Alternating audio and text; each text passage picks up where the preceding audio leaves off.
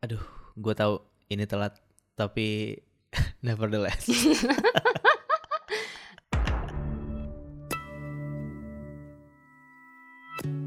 Asli sumpah ini udah berapa purnama Ron Emosi gue udah mereda eh, bahkan emosi lu sebelum mereda tuh seperti apa? Coba dijelasin. Mungkin bisa nyambung nih sama emosi gue karena gue baru selesai nonton. Baru banget nih sebelum kita mulai rekaman nih gitu. Gue kali ini pengen minta refund 10 jam gue Walaupun sebenarnya gue udah ada menangkap beberapa kayak clue-clue oh endingnya bakal kayak gimana. Cuman gue tetap dalam hati kecil gue tuh berharap ada perbaikan nasib gitu loh. Cuman ah tau lah bodo amat. Waktu pertama kali kita ngomongin Nevertheless kan uh, lo udah bilang kayak gue nggak sanggup nih ngelanjutin lagi Mm, gitu mm, kan karena lo nggak suka sama uh, Nabi gitu. Hmm. Terus ketika gue nonton uh, paruh kedua dramanya kayak dari episode 6 sampai episode 10, teman-teman gue juga bilang kayak kak pokoknya sampai episode terakhir Nabi bodoh deh gitu Hmm. kan. Terus gue jadinya kayak melihat nih apa sih yang orang-orang pikirkan soal Nabi ini kenapa Nabi bodoh gitu. Terus pas gue nonton endingnya baru kayak oh iya ya nih orang bego. kayak gue nggak tahu kenapa kayak dia tuh umurnya berapa sih di drama ini dua antara dua empat dua lima gitu nggak sih atau dua tiga dua empat gitu nggak sih Iya. kayak gue mencoba mengerti eh, mencoba memposisikan diri gue di usia itu kan Mhm. sebenarnya jadi awalnya memang gue penuh judgement kayak lo kayak ih apa sih nih orang? Mhm. gitu. Kayak gue nggak suka gue nggak suka banget sama karakter cewek yang kayak gini gitu. Terus gue kayak memposisikan diri gue kayak oke coba gue ber- eh, berpura-pura jadi Yunabi ya. Coba gue berpura-pura jadi Yunabi gitu. Terus eh, di tengah jalan gue nggak menjudge dia sebagai orang bodoh sih awal-awalnya. Gue ngerasa kayak mungkin dia labil aja gitu yang kayak efek dari tersakiti sama mantan pacarnya itu tuh memang masih masih berasa banget gitu. Tapi makin lama makin lama dia makin terombang ambing dan makin nggak percaya diri gitu gara-gara seonggok daging bernama Pak Jeon ini gitu. Yang bikin gue sakit hati sebenarnya ketika udah eh, dia udah ada dua pilihan nih. Hmm. dia udah dikasih pilihan eh, si cowok bajing ini atau si cowok baik-baik gitu tapi dia tetap milih cowok bajing itu dengan dalih bahwa ya kenapa kita nggak coba aja gitu kayak ah, kan lo udah pernah nyoba Iya. tuh sama cowok bajingan sebelah gitu kayak maksud gue gimana sih Astaga. Tapi bener sih, kan kalau dari rating pun episode 1 ke episode 2 tuh kayak berkurang 50% gitu kan. Nah, gue sebenarnya termasuk 50% dari penonton itu yang langsung pengen drop gitu. Cuman karena eh, temen ngedrakor banyak yang kayak ayo dong eh, pengen dengar pendapat kalian soal ini. Ya udah oke gue mengalah gitu kan. Gue nonton nih. Gue juga kayak lo gue kayak pengen berusaha. Oh ya gue nggak boleh sotoy. Mungkin dulu gue waktu muda juga digoblok-goblokin sama orang yang lebih tua dari gue gitu kan.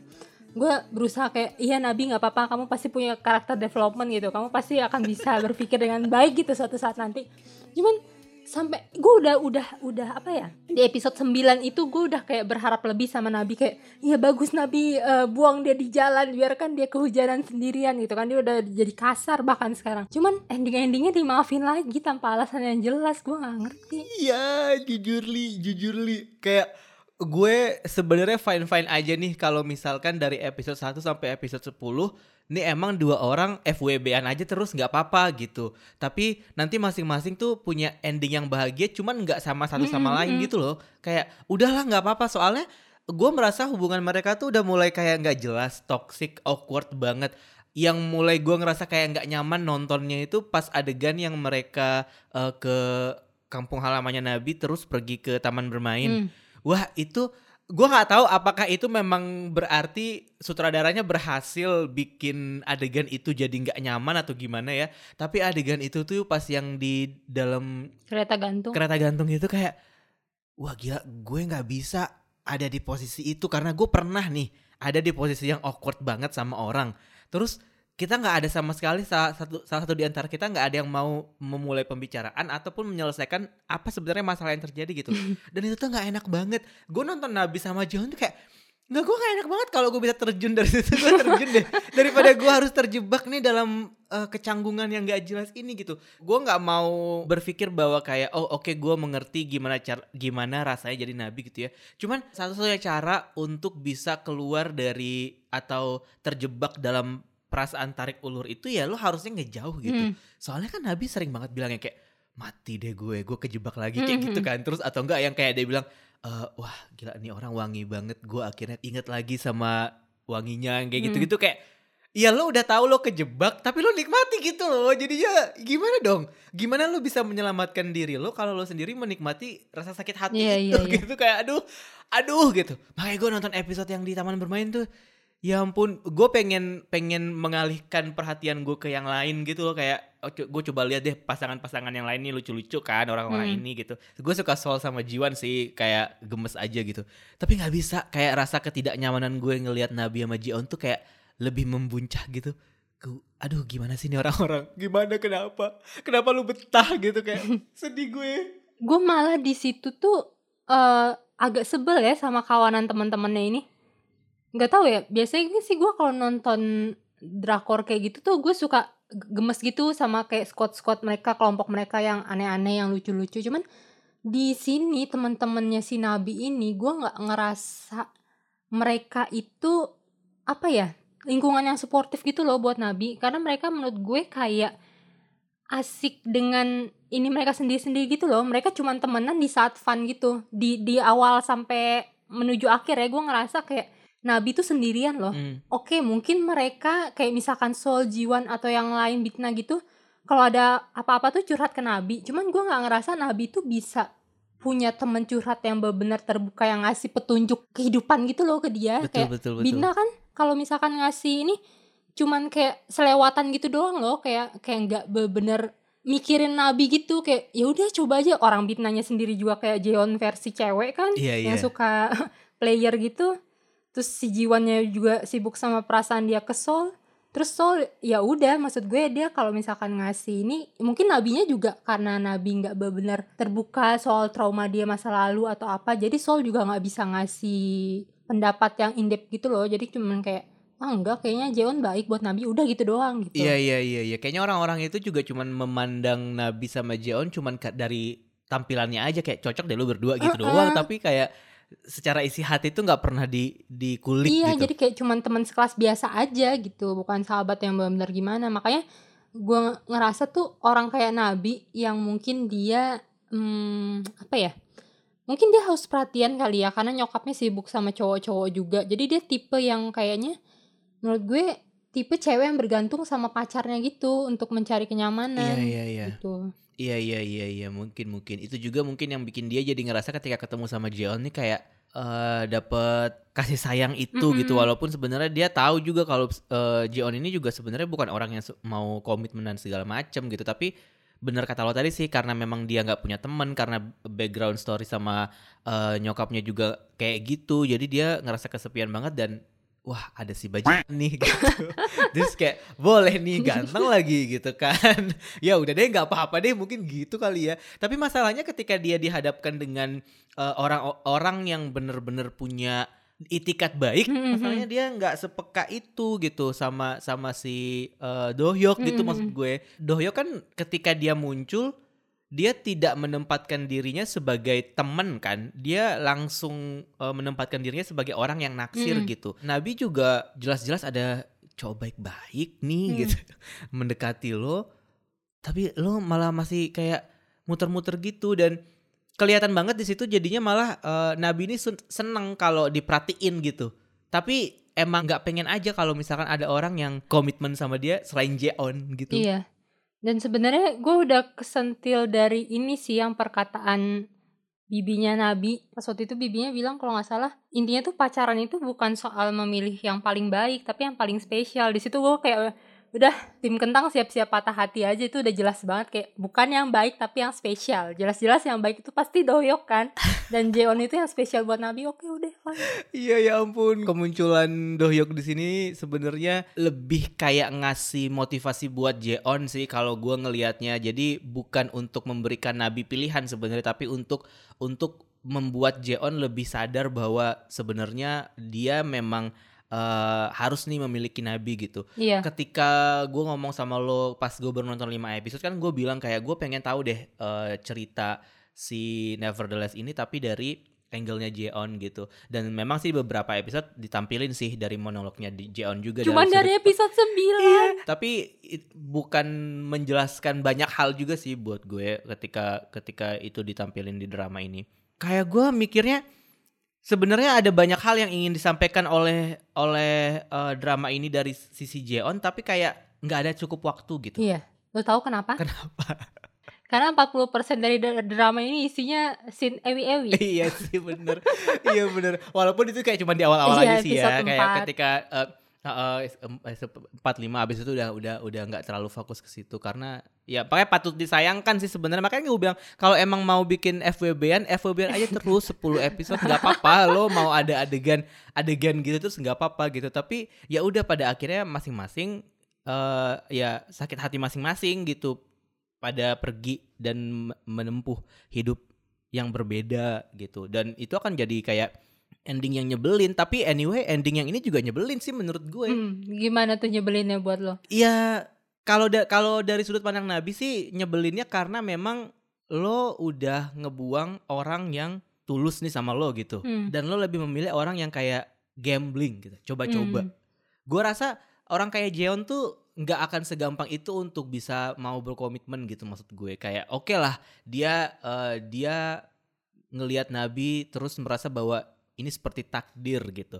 Tapi karena kita memulai cerita ini dengan dia sebagai playboy itu jadi cuman terkesan kata-kata manis yang nggak ada nggak ada gunanya Mhm. gitu. Cuman terkesan kayak eh, ya udah omongan fuckboy aja gitu bukan sesuatu yang harus gue pikirin. Tapi Nabi tuh suka digituin masalahnya. Dia tuh suka mendengar eh, omongan-omongan fuckboy nggak jelas gitu gitu. Dan aduh gue ngerti sih tapi kemunculan Dohyuk di situ memang jadi titik baliknya Jeon juga buat eh, apa istilahnya kayak memperjuangkan perasaan dia mungkin ya kalau memang dia memang tulus punya perasaan sama Nabi gitu. Tapi pas gue eh, adegan-adegan yang rambutnya turun semua itu kan masa downnya Jeon sebagai playboy Hmm. tuh yang dia udah ngikutin Mhm. saran Nabi kayak rambut lo ke depan aja bagus gitu kan itu kan lagi masa down dia sebagai playboy di situ sih gua gua melihat dia sebagai manusia sih pada akhirnya gitu kayak oh ternyata dia orang bisa mikir juga ya gitu dan di situ gua baru baru lebih kepo sih kayak misalnya apa sih sebenarnya yang terjadi sama Jeon nih maksud gue dia kan masih di usia 20-an ya Hmm. dia bilang dia udah nggak tinggal sama nyokapnya di usia 10 gitu. Nah, dari usia 10 sampai usia 20 itu ini orang bergaul sama siapa nih? Siapa yang membuat dia jadi seperti ini? iya, makanya siapa? Nih orang bergaul sama siapa nih? Gue bilang gitu kayak ya. nggak mungkin dong dia belajar dari internet. atau dari YouTube. mungkin aja sih, mungkin aja sih. Tapi kayak eh, udah playboynya tuh udah mendarah daging gitu maksud gue dan kita tuh nggak punya banyak banget penjelasan tentang backstory itu yang bikin gue jadi ngerasa kayak apakah orang ini diciptakan oleh Tuhan langsung di usia 20 dan oke Tuhan bilang oke gue ciptakan lo langsung usia 20 terus lo langsung jadi fuckboy ya. Atau gimana gitu. Soalnya kayak masa lalunya apa gitu? Apa yang membuat lo tertekan? Apa yang membuat lo merasa bahwa perempuan itu tidak ada eh, nggak punya meaning di hati lo gitu. Apakah lo emang tidak punya penghargaan lebih atau gimana gitu. Apakah selama ini emang lo merasa lo cukup bahagia memelihara kupu-kupu atau lo butuh kupu-kupu berbentuk manusia gitu lo? Maksud gue kayak nggak jelas gitu Jeon ini. Gue ngerti deh Nat. Iya iya benar. Maksud gue, gue juga sangat menyayangkan kayak sutradara dan penulisnya ini tuh pengen kita itu bisa punya empati ke Nabi sama Jeon gitu. Kayak mereka tuh eh, maksa nyelipin oh Nabi dengan background eh, ibunya yang main cowok dan apa pacar pertamanya yang ternyata brengsek gitu kan. Terus Jeon dengan nyokapnya si penari yang sibuk keluar negeri dan ninggalin dia dari umur 10 tahun makanya bikin dia jadi kayak malas komitmen gitu sama cewek. Cuman ya udah gitu doang kayak selewatan gitu doang gitu. Kayak kita dipaksa ya udah kalian harus ngerti pokoknya ini backgroundnya mereka gitu. Tapi kita nggak benar-benar dikasih scene yang kecuali si Nabi ya yang pas dia pulang terus ngeliat nyokapnya malah sama cowok dan ngusir dia si Jeonnya ini kan yang masalah kan. Sama kayak lo yang tadi bilang kayak dia ini sebenarnya kenapa sampai segitunya gitu? Walaupun bentar motor. 2,000 years later. Iya oke nyokap lu sibuk gitu kan. Cuman kan dia maksud gue bukan tipe apa ya Mungkin gue kebanyakan nonton drama yang dengan backstory yang jauh lebih ngenes daripada dia Tapi masih bisa bersikap dan bertingkah positif gitu ya. Gue jadi kayak jauh lama banget sih lu cuman kayak gitu Padahal lo gak di KDRT atau misalkan lo masih nyokapnya masih mau nemuin dia kan? Ah, ah, masih ngasih duit, masih ngasih mobil iya masih gitu. memenuhi kebutuhan hidup dia masih berkomunikasi dengan dia gitu. Kayak gue malu banget sama Han Ji Pyong sih. Han Ji Pyong udah sebatang Iya. kara dari lahir gitu.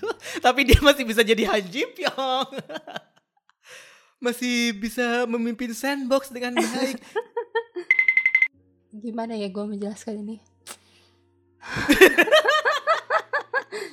Gue sebel banget sih yang pas Nabi di episode 10 itu yang dia nolak Dohyok yang lagi megang bunga itu. Sumpah. Kayak itu tuh tertranslate di otak gue kayak iya gue tahu Jeon itu nggak bisa membuat gue bahagia. Gue justru bahagia dan nyaman saat sama lo. Cuman gue tetap suka sama si cowok brengsek ini. Dadah gitu.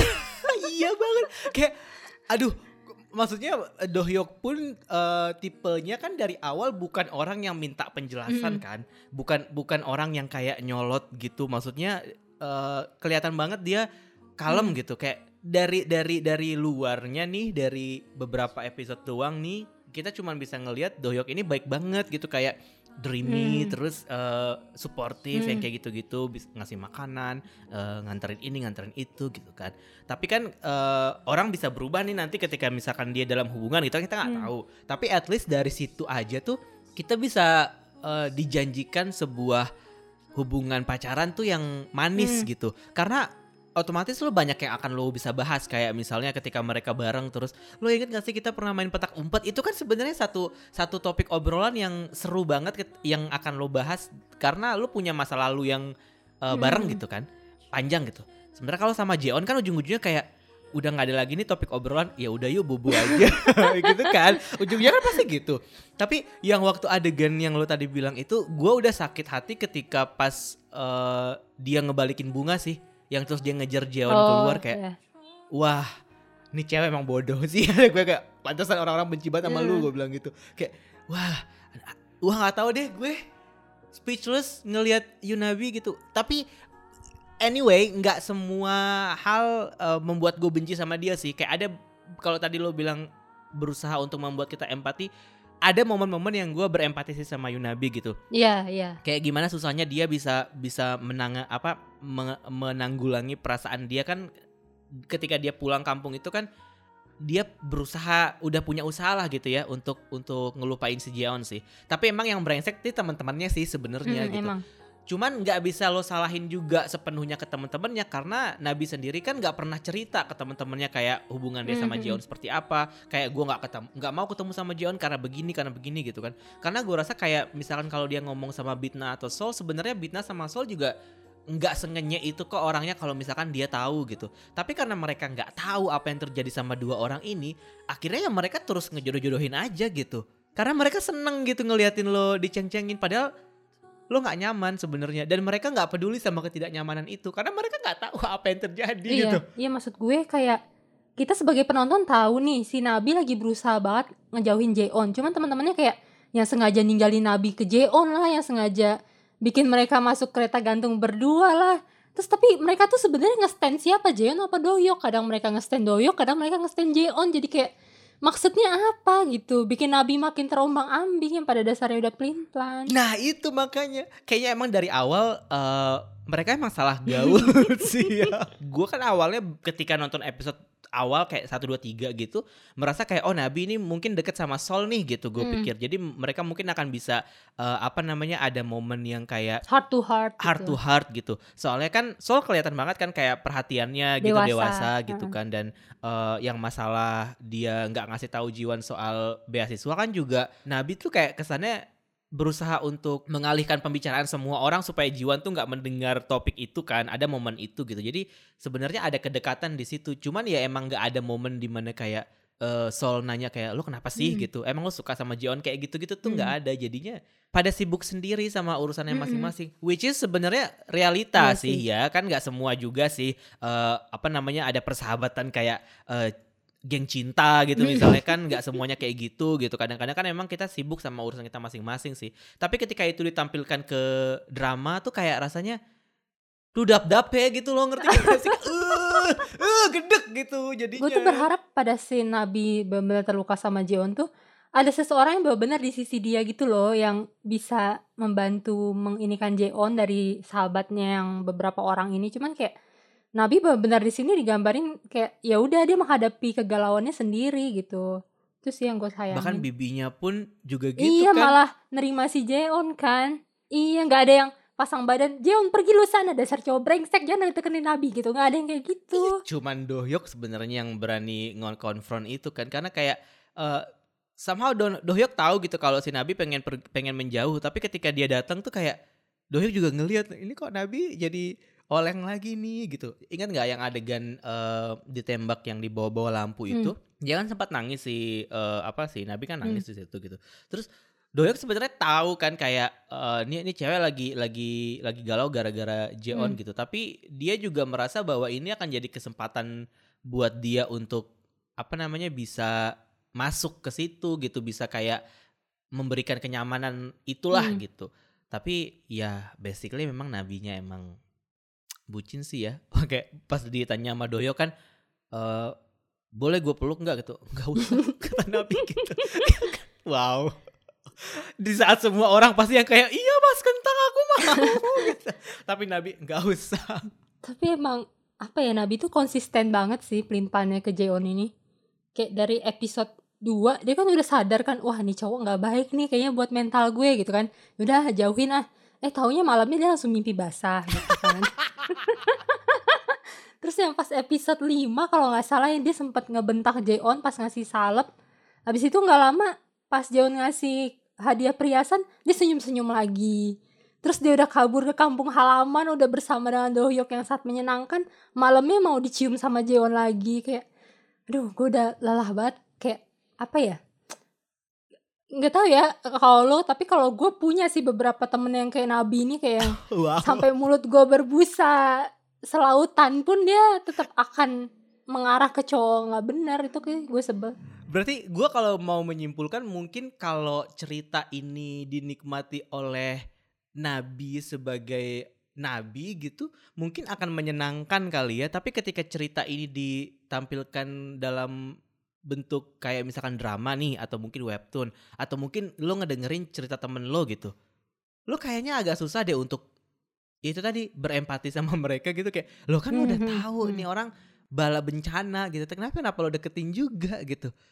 Kayak ini ibarat ibarat Tuhan menciptakan eh, manusia dengan setan kayak lo tahu ini jalan setan tuh nggak baik tapi manusia tuh tetap aja mengikuti jalan setan. Iya bener. Yang kayak pas ini yang gue sebel juga apa ya yang mereka habis minum-minum bareng di rumahnya Nabi. Ya, eh, habis itu kan Songkang kan eh Songkang bukan Songkang ya. Si Jeon kan keluar kan. Terus ketahuan lagi eh, cipik-cipik sama cewek lain gitu kan. Eh.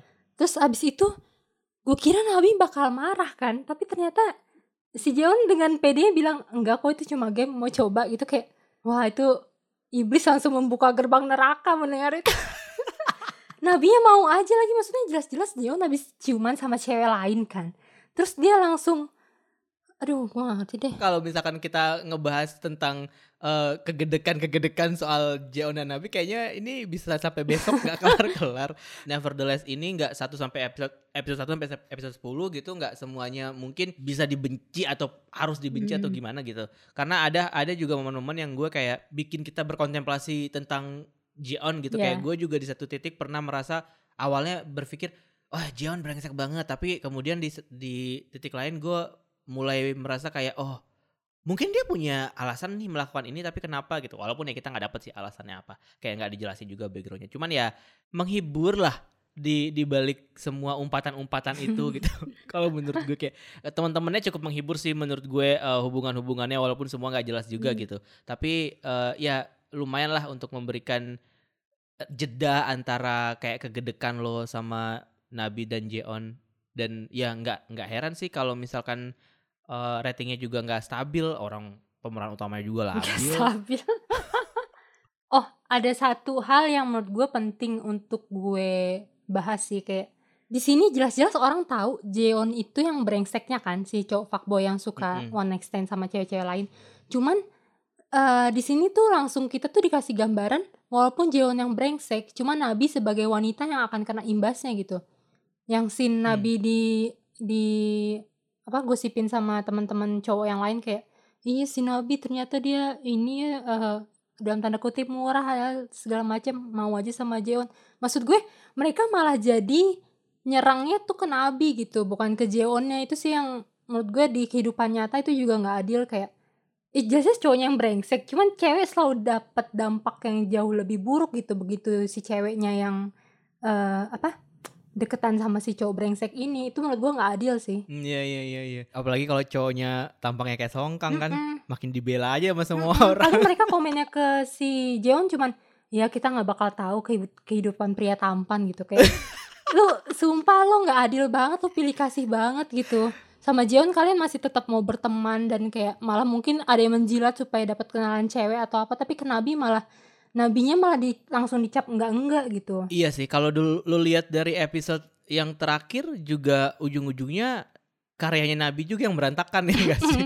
Nggak kayaknya dari sepanjang 10 episode ini kehidupan Jeon terlihat berantakan tapi kayak ya udah gitu. Tapi kalau Nabi tuh kelihatan banget struggle-nya gitu kan kayak udah hati gue berantakan sama nih cowok brengsek gitu. Tiba-tiba besok gue mau ga- pameran tiba-tiba karya gue berantakan Hmm. gitu kan. Terus dibantuinnya sama si cowok ini lagi ya makin berantakan lah hidup gue.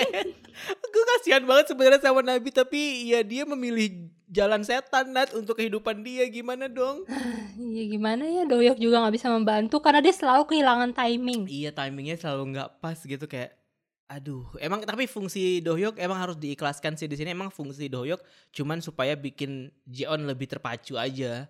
Itu aja sih fungsi dia. Nggak ada buat kayak memberikan pilihan atau apa gitu nggak ada. Cuman biar Jeon makin terpa- terpacu aja untuk mendapatkan Nabi dan berkomitmen gitu untuk mau pacaran.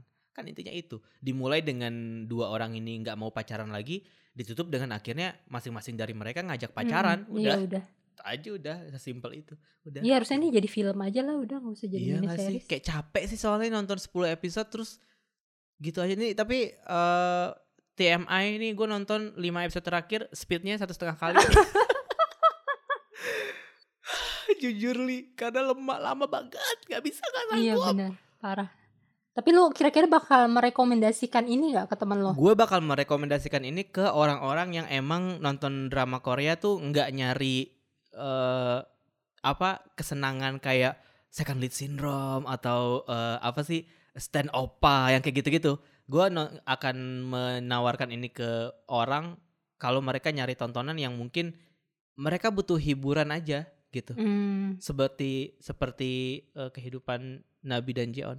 Walaupun gue nggak nggak tahu sih apakah ini pada akhirnya membuat penonton terhibur atau gimana karena kan kalau penonton drama Korea yang udah tahu nih drama Korea itu pasti eh, apa stereotipnya gini gini gini gini Mhm. gini gitu kan. Makanya dia tampilkan Nevertheless itu kan kesannya kayak apa ini? apa nih gitu kan kayak "Ah, apa nih gitu. Ya tapi kalau buat orang awam mungkin coba aja nonton siapa tahu lo suka gitu. Sih gua gua sih open minded aja gitu ujung-ujungnya karena gue nggak bisa bilang gue suka sama drama ini tapi nggak 100% gue benci juga sih 50% nya karena bias aja Karena yang main Songkang. gue sekarang jadi suka sama si pemerannya Yunsol sih Oh iya iya. kalau menurut gue ya layak untuk ditawarkan ke orang yang memang nggak pernah nonton drakor sebelumnya gitu. Tapi nanti lo langsung ini bikin mereka traumatis kayak apa ini drama Korea seperti ini? Eh, Kan pasti kalau misalkan udah ada elemen-elemen yang kayak iya mereka FWB-an nih ep- tiga episode banyak adegan gitunya Hmm. gitu kan. Iya ya mau mau. iya ya, kayaknya itu salah satu yang membuat ini eh, trending ya di Indonesia iya ya. iya kan coba. Kalau gue sih mungkin gue tadinya sempat berpikir mungkin ada nabi-nabi lain. Bentar mobil. Kalau gue sih berpikir tadinya gue mungkin drama ini ada yang membutuhkan gitu orang yang kayak nabi di sisi dunia yang lain atau teman-teman gue yang mungkin juga suka labil terombang-ambing. Cuman ternyata endingnya tidak seperti yang gue harapkan gitu. Gue takut malah kalau gue kasih drama ini dia makin terjerumus. Oh ya udah nggak apa-apa, gue akan memilih hati gue daripada logika gitu kayak. Jeon tuh too good to be true gitu maksud gue. Pada nyatanya orang-orang kayak Jeon ini ya bener fuckboy sampai akhir gitu. Gue gue takut aja kayak tweet-tweet viral tuh makin banyak gitu gara-gara si Jeon Kita ini. doakan aja ya. Semoga orang-orang yang nonton ini, orang-orang yang nggak pernah nonton drama Korea tapi nontonnya Nevertheless gitu. Karena kan pasti itu akan terjadi Iya. sih. Mengingat sekarang Netflix kan sangat membumi ya gitu. Itu bisa jadi terjadi sih. Kita doain aja supaya nanti ketika mereka nonton ini, mereka masih mau nonton drama Korea yang lain dan nggak terinspirasi untuk jadi fuckboy.